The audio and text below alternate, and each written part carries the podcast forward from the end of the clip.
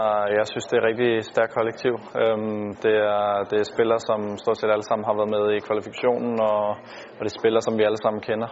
Øhm, vi, vi har rigtig godt bånd alle sammen, og, og forstår, hvordan vi skal, vi skal, præcis hvordan vi skal spille.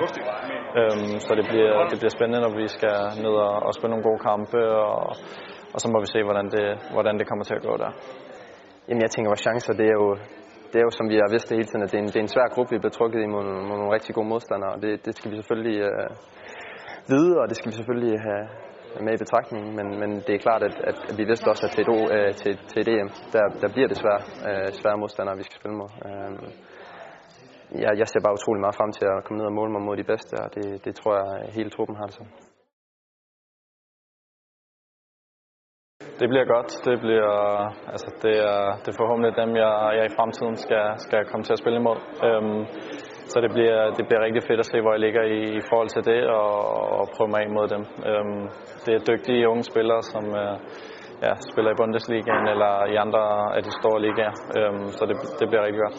Jeg øh, har været til fire slutrunder, når, når jeg møder op dernede. Øhm, så øh, jeg har en del erfaring med, med at være til de her slutrunder. Jeg føler, jeg har lidt bredere skuldre end, end måske nogle af dem, der ikke har været til, til slutrunden før. Så øh, det, den del har jeg det fint af med det. At jeg så ikke tror, at der er så mange, der vil møde op og skal have brug for alt for meget hjælp. Det er sådan helt andet. Jeg tror, man kommer til at gøre sin erfaring. Og øh, personligt så håber jeg, at folk de møder op sådan lidt uimponeret. Og, øh, og synes, det er sindssygt fedt at være til en slutrunde.